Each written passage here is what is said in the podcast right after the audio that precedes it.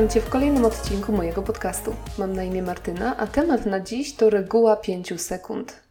W poprzednim odcinku opowiedziałam Ci o zyskach marginalnych, czyli o technice rozbijania dużych celów na małe kroki i usprawniania ich pojedynczo, niezależnie i nawet w niewielkim stopniu.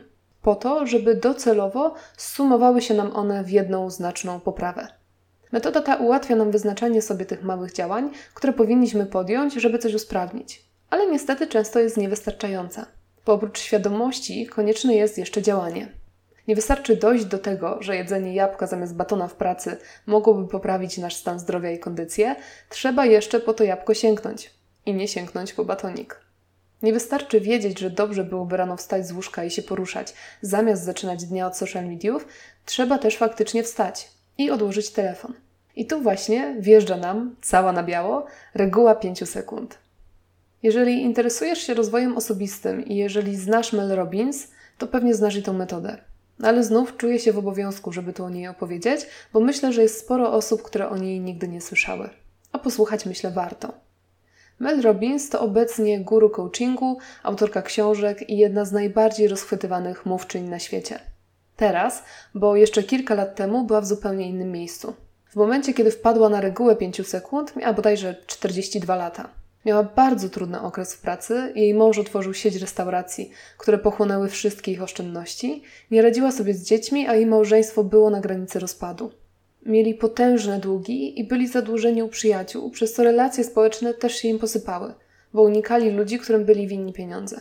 W efekcie, kiedy rano dzwonił jej budzik, naciskała drzemkę i robiła to tyle razy, że w końcu poranki zamieniały się w chaos. Jej dzieci spóźniały się do szkoły i od pierwszych minut dnia poziom napięcia sięgał zenitu. Miała dość siebie i tej sytuacji.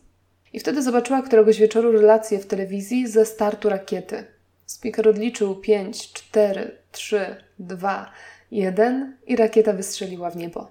Mel pomyślała wtedy tak dość intuicyjnie, że też tak powinna rano zrobić. Kiedy więc kolejnego poranka zadzwonił budzik, odliczyła w myślach. 5, 4, 3, 2, 1, odrzuciła kołdrę i wstała. W efekcie ogarnęła siebie i dzieci na czas, a w domu chociaż na chwilę zapanował spokój, bo zrobiła to, co wiedziała, że powinna była zrobić.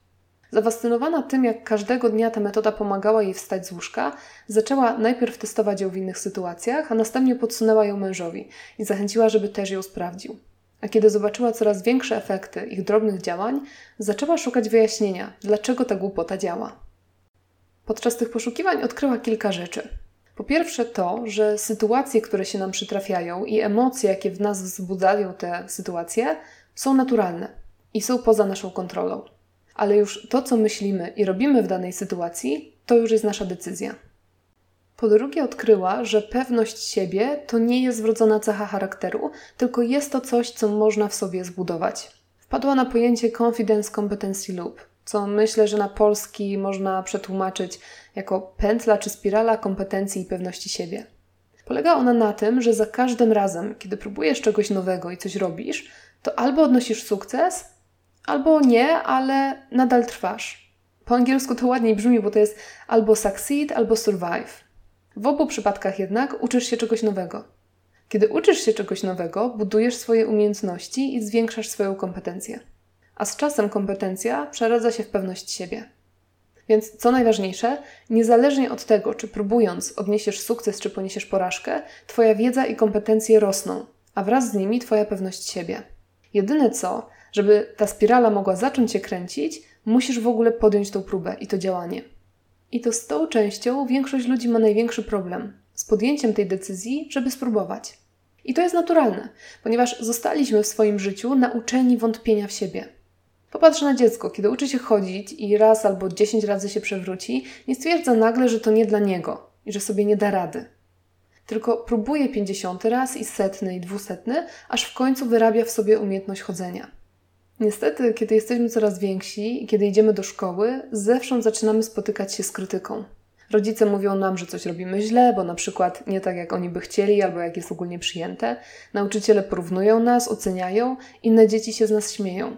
W efekcie uczymy się, że nie możemy być sobą, nie jesteśmy dość dobrzy i stale musimy się kontrolować i zmieniać. No i w siebie wątpić. To, co jednak pomaga wyrwać się z tego zaklętego kręgu zwątpienia, to właśnie działanie, podejmowanie prób, czyli coś, nad czym mamy kontrolę. Problem w tym, że kiedy jesteśmy malutkimi dziećmi, mamy wokół siebie wiele osób, które nas popychają do działania, które nas namawiają, żeby spróbować jeszcze raz, mimo że coś nam nie wyszło, że upadliśmy. Mamy kogoś, kto nie pozwala się nam wycofać, dzięki czemu się uczymy i rozwijamy. A kiedy jesteśmy dorośli, tak naprawdę jesteśmy sami. I to my musimy być swoimi cheerleaderkami, to my musimy pchać się do przodu. A to jest cholernie trudne. Te wszystkie odkrycia jednak nadal nie tłumaczyły Mel Robbins, dlaczego głupie odliczanie od pięciu działa. I w jej przypadku, i w przypadku jej męża. I w końcu okazało się, że za to odpowiada nasz mózg. Wszystkie automatyzmy, automatyczne zachowania, powiązania, wyuczone reakcje, w tym też wątpienie w siebie, uaktywniają konkretną część mózgu. Podajże jądra podstawne, ale tu nic sobie nie dam odciąć za tą informację, bo neuropsychologii organicznie nie znoszę i nie ogarniam i to przyznaję od razu. W każdym razie to te automatyzmy podbijają nasze nawyki. I to też ta część mózgu, która opiera się wszelkim zmianom, bo lubi jak jest automatycznie. Natomiast częścią mózgu, która jest odpowiedzialna za taktyczne zachowanie i uczenie się nowych rzeczy, jest frontal cortex, czyli przednia część mózgu. To ta część ułatwia wprowadzanie nowych rzeczy i zmian. Naszym zadaniem jest więc, jeśli oczywiście chcemy zmienić jakiś stary nawyk, aktywowanie tej przedniej części mózgu. I to właśnie robi, jak się okazuje, ta reguła 5, 4, 3, 2, 1. Odliczanie sprawia, że przejmujemy kontrolę i wyłączamy automatyzmy.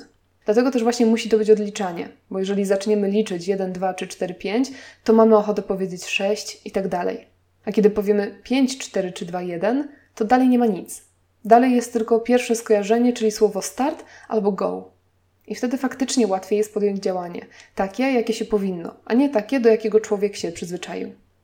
W efekcie stosowania tej reguły Mel zaczęła wstawać rano i zaczynać dzień na spokojnie. Stała się lepszą żoną i matką, bo za każdym razem, kiedy miała ochotę na jakąś kąśliwą uwagę albo przytyk, odliczała w głowie od pięciu i świadomie zmieniała ton. Zaczęła lepiej zarządzać swoją karierą, bo kiedy pojawiało się zwątpienie przed jakimś telefonem albo mailem, odliczała i dzwoniła. Odliczała i pisała maila. Jej mąż też zaczął stosować tę regułę i każdego dnia powoli poprawiał sytuację swojego biznesu. Wreszcie razem przestali unikać znajomych, migać się przed bankami i wierzycielami. Odliczali od pięciu i stawiali czoła wszystkim trudnym sytuacjom. I nagle okazało się, że podejmowanie działania i mierzenie się z tym, co trudne, przynosi ogromne i wymierne efekty.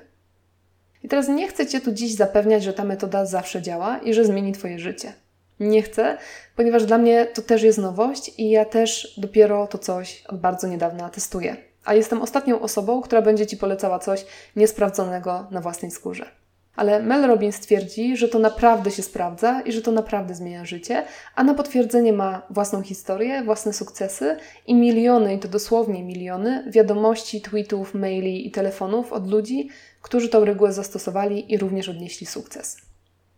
Dlatego opowiedziałam Ci dzisiaj o tej regule 5 sekund i zachęcam Cię do tego, żebyś również razem ze mną ją wypróbował czy wypróbowała.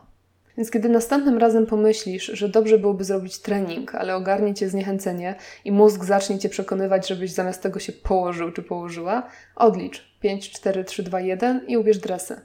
Jeżeli będzie cię korciło, żeby po obiedzie jak zwykle sięgnąć po czekoladę, policz 5, 4, 3, 2, 1 i zamknij szufladę ze słodyczami. Albo w zamian sięgnij po jabłko. Jeżeli masz do wykonania jakiś telefon, który odkładasz od tygodni, nie myśl o tym, tylko odlicz 5, 4, 3, 2, 1 i wykręć ten numer. To wszystko sprawi, że zamiast myśleć, analizować i wątpić, będziesz działać. To z kolei znaczy, że niezależnie od wyniku tych działań, będziesz budować swoje umiejętności i kompetencje, a także zaczniesz się postrzegać jako osobę, która działa i bierze los w swoje ręce. A to wszystko sprawi, że zacznie się budować Twoja pewność siebie, która już na pewno wpłynie na Twoje życie. Tak przynajmniej obiecuje Mel Robbins, więc sprawdźmy, czy ma rację. Ok, i tyle na dziś. Jak zwykle mam nadzieję, że ten odcinek coś Ci dał i w jakiś sposób Cię zaciekawił i zainspirował. Jeżeli masz jakieś przemyślenia, chcesz pogadać, albo będziesz chciał, chciała się podzielić wrażeniami ze stosowania tej reguły, to oczywiście zachęcam do kontaktu. Mail podany jest na stronie tematnadziś.pl w zakładce kontakt. Możesz też polajkować fanpage na Facebooku pod nazwą Temat na Dziś i odezwać się przez Messengera, albo możesz mnie przeatakować na Instagramie, tam jestem burgerówką. Tyle. Dzięki raz jeszcze za dziś. Do usłyszenia i cześć.